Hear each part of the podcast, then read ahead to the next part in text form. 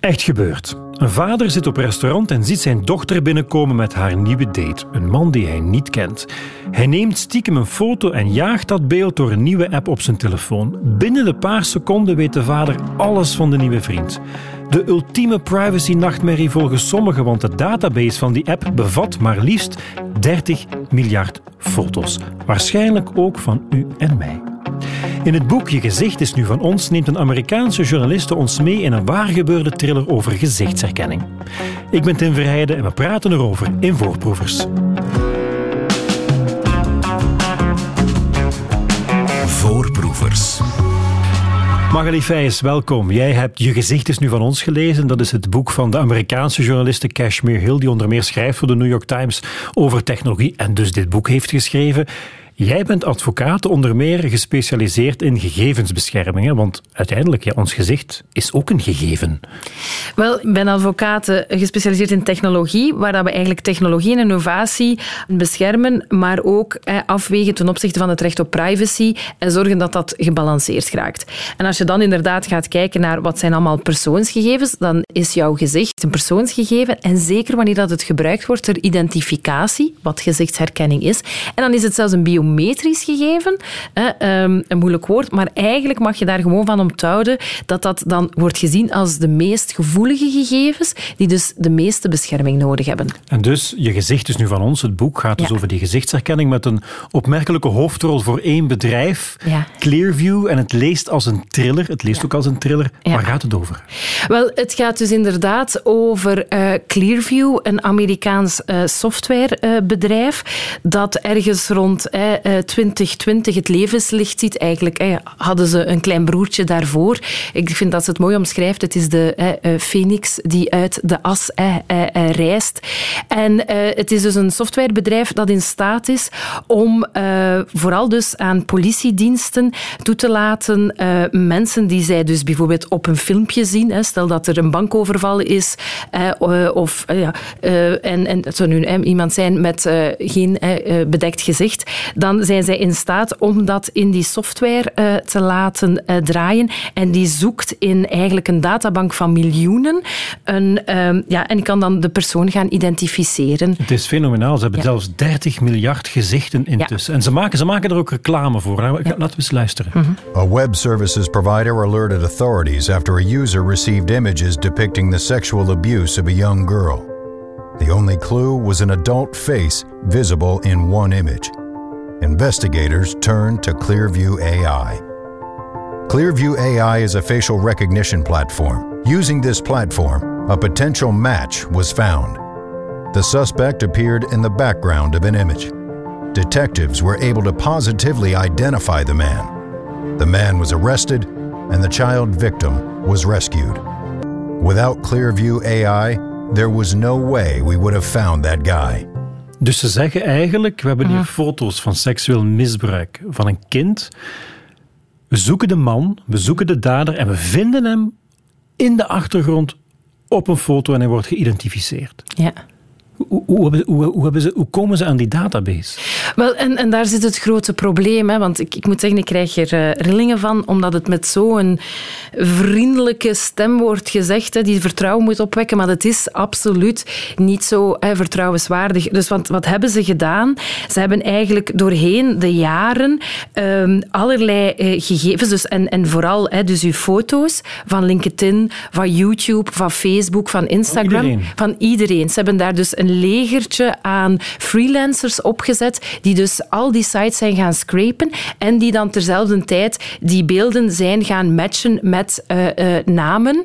En uh, zo hebben ze eigenlijk een wereldwijde illegale databank opgericht. Allee, illegaal, hè, samengeraapt. Mag, illegaal. Nee, het mag, mag, niet. Nee. Mag niet. Je mag niet zomaar iemands foto van zijn, web, van zijn Facebookpagina plukken of van maar LinkedIn. Je mag dat niet doen voor, voor die doeleinden om daar dan opeens een databank mee te gaan maken die nergens in ingeschreven staat in, in, in een wet of dergelijke, dat je daar een doeleinde voor hebt. Want de vraag is ook voor welk doeleinde.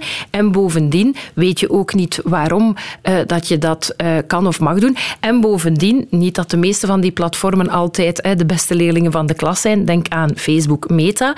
Maar die laten dat ook nog eens niet toe, hè, dat je dat op die manier zou gaan doen, om een eigen databank te gaan op, opstellen. Maar je zegt heel duidelijk, het mag niet, maar het boek beschrijft wel heel goed hoe het bedrijf maar blijft groeien en dus onder meer door politiediensten wordt gebruikt om, zoals we net hoorden, bepaalde gevoelige zaken op te lossen. Ja, wel, uh, dat is het probleem. Uh, ze zijn ontstaan in Amerika. En ik denk dat daar ook uh, het schoentje wringt.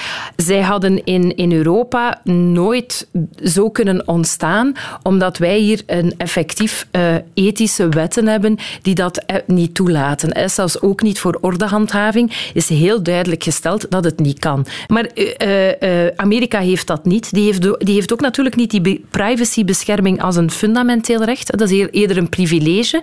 Dus dan voel je natuurlijk dat dat al wankelder staat. En we zaten, dat mag je ook niet vergeten, en dat beschrijft het boek ook heel mooi, van waar ze eigenlijk kwamen. Het waren zeer zware Trump-aanhangers, eigenlijk zeer extreemrechtse individuen. Individuen die eigenlijk een samenleving wouden creëren waarbij dat, ja, wat zij noemden het uitschot, dus zeer racistisch getint, naar minder begoede mensen, eigenlijk apart moesten gehouden worden, misdadigers, apart moesten gehouden worden van de betere bevolking. En ja, die voedingsbodem was daar natuurlijk volledig in, in, in de States. En uh, men heeft dat natuurlijk wel hier en daar wat proberen tegenhouden, maar zonder de juiste rechtsmiddelen is dat niet altijd even goed gelukt. Maar het wordt vandaag nog altijd gebruikt, zeker in de Verenigde Staten. Maar je kan er ook toch moeilijk op tegen zijn als de politiediensten een tool hebben waarvan ze zeggen van kijk, we zitten, we zitten hier met een onopgeloste zaak, bijvoorbeeld een kindermisbruik, en er is technologie die ons kan helpen. Wat is het probleem? Wel, als we daar dan kijken, dan denk ik dat Europa daar een mooi voorbeeld van heeft. Als je dat gebruikt voor die zaken, kan je dat morgen ook gebruiken als er een opstand is. En wat als je een leider hebt, en we hebben dat zelfs ook in Europa, die wat minder democratisch is ingesteld, of in Rusland, en je gaat die technologie gaan gebruiken voor mensen die op een democratische manier eh, betogen. En je gaat die mensen allemaal gaan identificeren en bijvoorbeeld dan gaan oppakken. Dat is een heel ander doeleinde en dan voel je al dat je daar niet mee eens bent. En in Europa heeft men gezegd, wij gaan hè, het gebruik van dergelijke beeldmateriaal voor facial recognition, voor gezichtsherkenning, niet toelaten, maar we laten wel aan lidstaten in een bepaald aantal gevallen daar uitzonderingen op toe. En bijvoorbeeld die uitzonderingen kunnen zijn hè, voor, eh, als, als er echt een gevaar voor leven is. Stel dat je weet hoe er zal een terroristische aanslag plaatsvinden. We willen dat verhinderen. In gevallen van kindermisbruik, uh, uh, ontvoeringszaken en zo. En, en, maar dan moet daar wel een heel duidelijk kader voor zijn. En dat zeggen ze. Maar laten we eerlijk zijn, vandaag hebben we dat niet. Maar dan is het wel zo dat ook Clearview, want dat komen naar ons, ook bij ons al gebruikt is. Ja, ja, en daar, is dus, hè, daar zijn ook adviezen dan over gegaan, want uh, dat dat absoluut niet kan en dat de, de rechtsgrond die er hè, in, in de wet op het politieambt niet voldoende is om een dergelijke tool te gaan gebruiken. En laten we ook eerlijk zijn, er is ook een verschil, denk ik, tussen een tool uh, die gezichtsherkenning doet en bijvoorbeeld ook het Clearview, gelet op het feit dat Clearview ontstaan is uit illegaal scrapen, of een gegevensbank die op een illegale manier is samengesteld. En dat je dan natuurlijk daarbij nog eens krijgt dat er geen wettelijk kader... En dat is wel het mooie aan onze wetgeving, waar dat er altijd vaak heel veel kritiek op komt. Als je onze wetgeving goed wil toepassen, dan is daar een ethische, juridische, maar ook technisch luik aan. En het is de combinatie van die drie die dergelijke juiste tools zou perfect kunnen toelaten voor dergelijke heel specifieke zaken, maar binnen wel een ethisch kader. Zodanig dat we kunnen zeggen, met een gerust hart, oké, als er die zaken zijn, dan zal eh, zullen de politiediensten kunnen doen wat ze willen doen en wat ze moeten doen. Maar we zijn ook zeker als maatschappij dat als wij op straat komen om rechtmatig te betogen, of als dat gaat over een kleine winkeldiefstal of dergelijke, dat we niet dergelijk vergaande technologie gaan gebruiken en voor welke doeleinden het eventueel ook nog verder gebruikt Want in het boek is ook een situatie beschreven over een winkeldiefstal. Plots, een man krijgt telefoon van de politie, je moet je komen aangeven. De man zegt, ik heb niets misdaan. Plots staat de politie bij hem thuis. Wat blijkt, hij is herkend blijkbaar door gezichtsherkenningtechnologie. Maar er is een grote maar. Ja, zeker. Uh, want uh, ja, het ging hier over een Afro-Amerikaanse man, die dus totaal eigenlijk zelfs niet geleek op uh, de persoon in kwestie, de eigenlijke misdadiger. En um, omdat het algoritme eigenlijk nog absoluut niet goed genoeg is om um, ja, mensen van een andere etniciteit te gaan herkennen. Maar dat is wel zeer problematisch, want en zeker ook bijvoorbeeld in dat Amerikaans systeem, die man is daarin meegezogen en dat heeft heeft wel een enorme psychologische indruk nagelaten. En uh, ja, die ziet daar nog altijd vanaf. En, en je hebt ook inderdaad de voorvallen van uh, uh, vrouwen die bijvoorbeeld niet herkend worden. Dus eigenlijk blijkt die technologie vandaag de dag vooral witte mannen heel goed te kunnen herkennen. En van het moment dat we naar een ander ja, etniciteit gaan en dergelijke, werkt, werkt die technologie al niet meer zo goed. Dus volgens mij, het boek beschrijft heel duidelijk dat Google, Facebook zich daar niet hebben willen aan wagen. Zelfs zij trekken een grens. Ja, Facebook en Google, waar Clearview zegt, wij gaan er volop mee door. Ja, ik denk dat dat met twee dingen te maken heeft. Ik denk enerzijds de stand van de technologie, want als je het boek leest, heb je daar een paar mooie, eigenlijk schrijnende voorbeelden op grote meetings hè, van de Federal Commission, waar dat dan Google, Amazon haar technologie voorstelt. En dat het zo pijnlijk is dat zelfs de, uh, de technologie een vrouw niet herkent versus een man. Dus laat staan dat ze weet wie dat je dan zou zijn. Uh, dat je verhalen hebt waar dat dan uh, de, van de ja, zoveel congresleden die er zijn, meer dan een helft wordt aangeduid als misdadiger. Dus je ziet dat die technologie daar effectief nog niet op punt staat. Het is natuurlijk ook omdat zij niet zo ver zijn gegaan momenteel, of niet zo snel zijn begonnen met het scrapen en zo'n databank aanleggen. Dus ik denk dat het feit dat ze die ethische grens niet willen overgaan, voornamelijk te maken heeft met het feit dat ze begrijpen dat hun technologie nog niet staat waar ze zou moeten staan. Het andere is natuurlijk wel wat we gezien hebben, en dat vind ik gelukkig een goede evolutie, is dat er bij Google en, en bij Meta en dergelijke, die hebben ook te kampen gehad met zware uh, mensen die het, het, uh, bedrijf verlaten hebben. Echt omdat die zeggen, dit is voorbij de ethische grens, dit is niet meer waar wij voor staan. En dus er zal wel een mengeling komen van dat ethische dat daarmee gespeeld heeft, maar ik denk ook voornamelijk inderdaad die technologie. En dan mag je zeker, eigenlijk denk ik bij Clearview, niet vergeten dat de mensen die erachter zitten, en het is dan ook weer heel, allez, vind ik heel uh, uh, verwonderlijk om te moeten vaststellen dat het dan zelf bijvoorbeeld een immigrant is van Australië met Aziatische achtergrond, die dan opeens zegt van ja, zeer, eh, met ook racistische ideeën. Die Johnson die daar ook bij betrokken is, die is ja, ja, allez, heel racistisch. Hij heeft zelfs de holocaust ontkend. En, en, en dan die andere man die in Schwartz, die in New York gewerkt heeft, die inderdaad ook vindt dat vooral de Afro-Amerikaanse Amerikaanse gemeenschap ja, minder bedeeld is, dat dat eh, eigenlijk grotendeels bestaat uit uh, criminelen, dat die dan eigenlijk aan, aan de knoppen zitten van een dergelijke tool. Dus dan is dat voorbeeld ook van die man die dan inderdaad totaal mis, allez, misgeïdentificeerd wordt, eigenlijk niet uh, zo absurd. Want ja, het is gemaakt ook door, door mensen die vinden dat er ook categorieën in, in, in onze mensheid bestaan, bij wijze van spreken. Ja. Um, ik worstel daarmee met gezichtsherkenning. Ik, ik, ik ontgrendel mijn telefoon met mijn gezicht. Ik ben een paar weken geleden naar Amerika gereisd en ik sta dan voor de gezichtsherkenning op de luchthaven en dan denk ik, wie kijkt er nu mee, waar wordt dat opgeslagen? Hoe ga jij daarmee om? Ja, um, het, is um, ik worstel er ook mee. Ik ga daar heel eerlijk in zijn. En eh, ik, ik kan zeker niet zeggen, want ik moet daar ook eerlijk in zijn, dat ik eh, het, het, label als privacy-activist eh, mag opkleven. Ik denk dat daar anderen voor zijn. Maar ik geloof wel heel hard in, in, in, privacy. Maar ik geloof wel dat privacy en innovatie hand in hand kunnen gaan door net die, eh, dat triumviraat van het, de, het ethische, de ethiek, het juridische en de technologie en de technische waarborgen. En als het over gezicht gaat, wat mag er nu eigenlijk of wat mag er niet? Of is het zo eenvoudig niet? Het is niet zo eenvoudig. Dus uh, bijvoorbeeld alles naar ordehandhaving, hè, dat is dus in een, in een richtlijn in Europa, omgezet in Belgische wetgeving, is duidelijk afgebakend hè, dat het dus effectief niet mag. Hè. Dat zit ook nu vervat in die AI-act, hè, die nieuwe Europese verordening rond uh, artificiële intelligentie. Um, nu, natuurlijk mag je het wel hier en daar gebruiken, maar op grond van hè, toestemming toestemming of als er een juiste uh, rechtsbasis is, maar dan nog gekoppeld met het feit dat die dan bijvoorbeeld altijd zal moeten voldoen aan het noodzakelijkheidsvereiste. Dus je mag niet zomaar op een massa-evenement uh, iedereen beginnen te gezichtsherkennen, tegen zijn gezicht te beginnen scannen. Nee, dat, uh, dat, laat, dat mag niet. Dat laat de wetgeving niet toe. We hebben ook cliënten nog gehad die zeiden van we zouden dat heel graag willen implementeren. Dat is ook een voorbeeld die in het, in het boek voorkomt. Als je voorbij reclamebord komt en als je dan een vrouw bent, dat je dan het reclamefilmpje ziet eerder op hè, het vrouwelijk publiek gericht. En als je uh, dan, hè, jij zou daar voorbij komen, dan zou jij dan een andere reclame zien dan ik. Dat, dat zou je kunnen doen, een beetje zoals uh, de passantentelling die we in COVID hebben gehad. Als je dat op grond van eerder slimme contouren doet, waarbij dat je bijvoorbeeld wel kan de technologie herkennen dat ik vrouw ben en jij man, uh, maar dat dat niet verder gaat. Maar, niet op basis van het gezicht. Maar niet op basis eerlijk van het gezicht. En dan nog zitten we ook weer met heel hè, ethische discussies. Want wat hè, doe je uh, met mensen die zeggen van ja, maar wij, wij zijn binair. Uh, en dus dus dat, dat is een heel, heel moeilijk, uh, moeilijke discussie. En ik denk dus dat we daar nog niet zijn vandaag om die technologie zonder dat volledig ethisch kader volledig uit te rollen. Ja, het boek beschrijft ook heel goed hoe bijvoorbeeld in Londen de politie aan de slag gaat met live gezichtsherkenning. Ja. Experimenteren.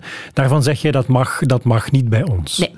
Dat mag niet. Nee, nee, dat... Zijn we zeker dat dat niet gebeurt? Dat weet je natuurlijk niet. En ik, ik hoop het echt dat het niet gebeurt. Um, um, natuurlijk is het zo als het achter de schermen, want daar, eh, Clearview is eigenlijk in de eerste jaren eh, door, door de NYPD en door verschillende politiediensten en zelfs de FBI ook achter de schermen ge, ge, eh, gebruikt. Hè. Dat was eigenlijk totaal niet, niet bekend, want dat waren proefprojecten.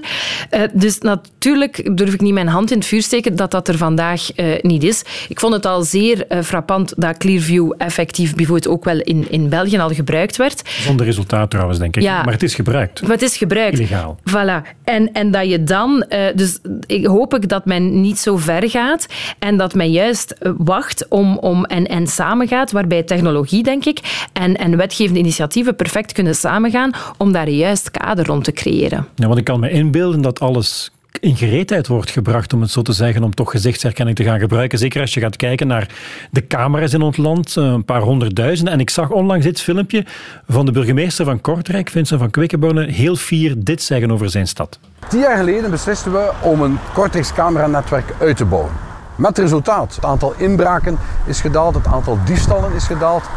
En ook de ophelderingsgraad, het feit dat men daders kan identificeren, is gestegen van 30 naar 50 procent eh, in onze stad. Camera's werken wordt geclaimd. In hoeverre zijn die camera's klaar, of toch veel camera's in ons land, om daar toch gezichtsherkenning op te zetten?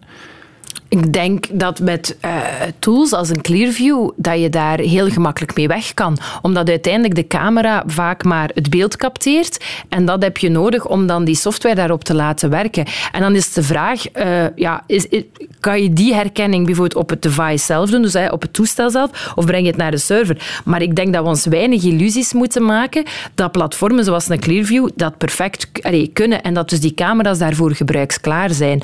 Maar uh, ik denk dat het inderdaad, en daar volg ik zeer zeker de privacyactivisten eh, eh, in ons land, dat dat echt wel een brug te ver zou zijn en dat we daar echt met grote voorzichtigheid moeten eh, mee omgaan. En dat ook, en ik begrijp dat dat een, een heel moeilijk iets is wat ik nu ga zeggen, dat, dat ook zelfs in misdaadbestrijding, dat je daar niet zo gemakkelijk uh, daarmee weg moet kunnen of zeggen van ja, maar zie, het, het helpt, want we vinden dan, hè, dat is altijd het voorbeeld dat gebruikt wordt, het, het, dat, dat kind die dan in kindermisbruik, we hebben die dan kunnen identificeren. Ja, maak daar een goed kader voor, maar maak dat enkel voor die gevallen. Maar voor inbraken en dergelijke denk ik niet. Um, dat, want uiteindelijk gaat dat over een zeer marginale allee, hoeveelheid van, van gevallen als je bekijkt op het feit dat anders die data van ons allemaal verder wordt gebruikt, wordt databanken wordt, uh, aan aangelegd. En uh, dat is ook een beetje wat je hebt gezien in de nasleep van heel um, 9-11. En, en ook bij ons, de terroristische aanvallen wij boeten echt onze privacy in voordat... En, en ik denk dat dat eigenlijk hetgeen is waar de terroristen volgens mij het hardst hebben toegeslaan. Dat wij onze privacy hebben moeten afgeven, of delen van onze privacy, om ons te beschermen. En ik denk niet dat dat de juiste weg is dat je mag inslaan. En in hoeverre heeft de coronapandemie daarin meegespeeld in een soort van aanvaarding van een wereld vol surveillance, na wat er al allemaal geweest is, zoals aanslagen? Ja, natuurlijk. Je weet dat, ik moet dat ook, eh, ik wil daar zeer open over zijn. We hebben heel veel COVID-wetgeving ook geschreven. Um, ik denk net dat bij COVID, juist, je hebt ook de grote polemiek gezien. Hè, dus eh, ik denk wel dat dat met andere aspecten ook een stuk te maken had.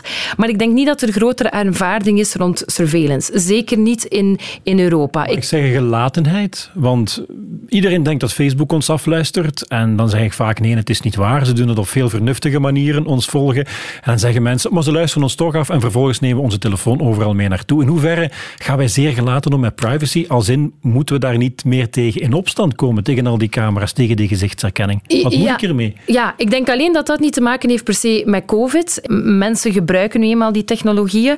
En ons um, uh, uh, vertrouwen is ook een stuk geschaad. Hè, want men spreekt daar ook, hè, men heeft, daar zijn ook studies rond gedaan. Hè, een boek spreekt daarover, hè, over het privacy-paradigma.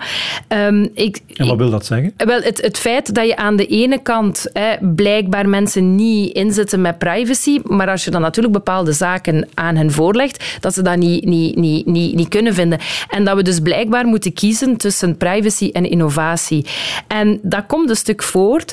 Ik zeg altijd, ik denk wel dat mensen één geven om privacy, maar dat is zoals naar een dokter gaan. Ik denk dat niemand van ons bij een dokter al is binnengekomen en gezegd heeft mag ik nu eens uw puntenkaart zien op uh, opereren, hè, dat je dat goed kon.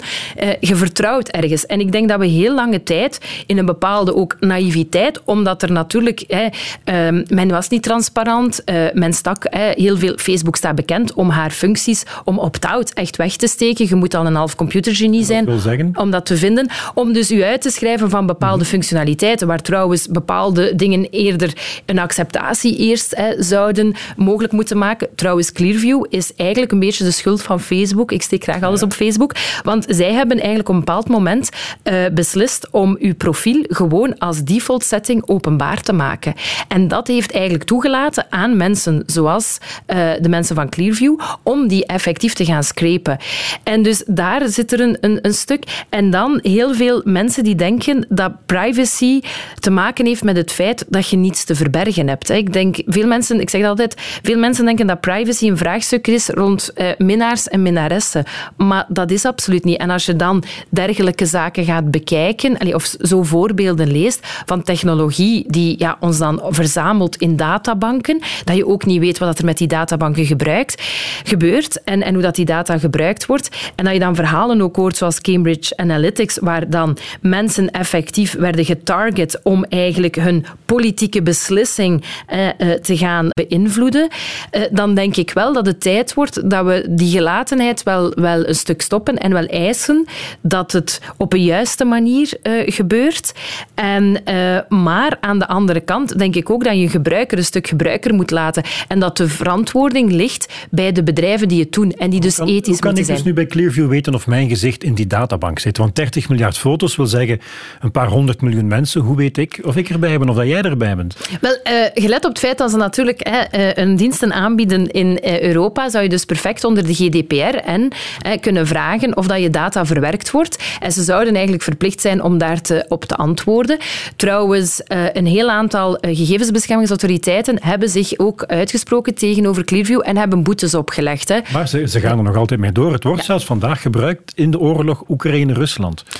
Dat is natuurlijk het, het, het probleem dat je daar hebt, dat bepaalde van die boetes niet hoog genoeg niet meer zijn voor dergelijke bedrijven. Die, ja, je leest dat ook daardoor in het boek. In het begin was het zeer moeilijk om kapitaal op te halen. Op een bepaald moment uh, halen ze miljoenen uh, dollars op. Ze hebben ja. gewoon te veel geld, er valt niets tegen te doen. Maar als je kijkt naar Oekraïne-Rusland, het voorbeeld is dat er een, een militair binnenkwam in een ziekenhuis, zei ik ben een Oekraïense militair, wat hebben ze gedaan?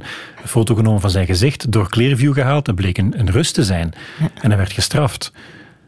Wordt elke dag volop ingezet. Ja, ja, ja. Dat is, en, en, en, en, en ik denk dat we daar echt, uh, zelfs in, in dergelijke situaties, dat je daar de ethiek moet laten primeren en moet zeggen, nee, dit, dit, hier, hier gaan wij niet mee akkoord en hier, dit moet, moet stoppen. Is dat geen naïeve gedachte, de ethiek laten primeren als er zoveel geld mee gemoeid is?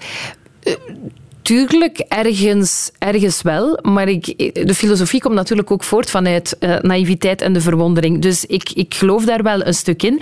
En we hebben natuurlijk ook het feit, um, en we worden daar altijd door beschimd, maar ik denk dat dat de kracht is van Europa, um, is het feit dat we wel die wetten creëren en dat wij wel tenminste dat kader hebben. En dat we beetje bij beetje ook um, sterker allez, uh, wespensteken zijn beginnen toesteken. Laten we niet vergeten, de laatste boetes aan Meta en aan Google zijn wel niet meer van die aard dat die gaan zeggen van oké, dit voelen we niet. Hè. Dat zijn miljoenen, miljarden dollars als boetes. En denk dat, en dat, maar dat moet veranderen. De AI-act is effectief gestemd.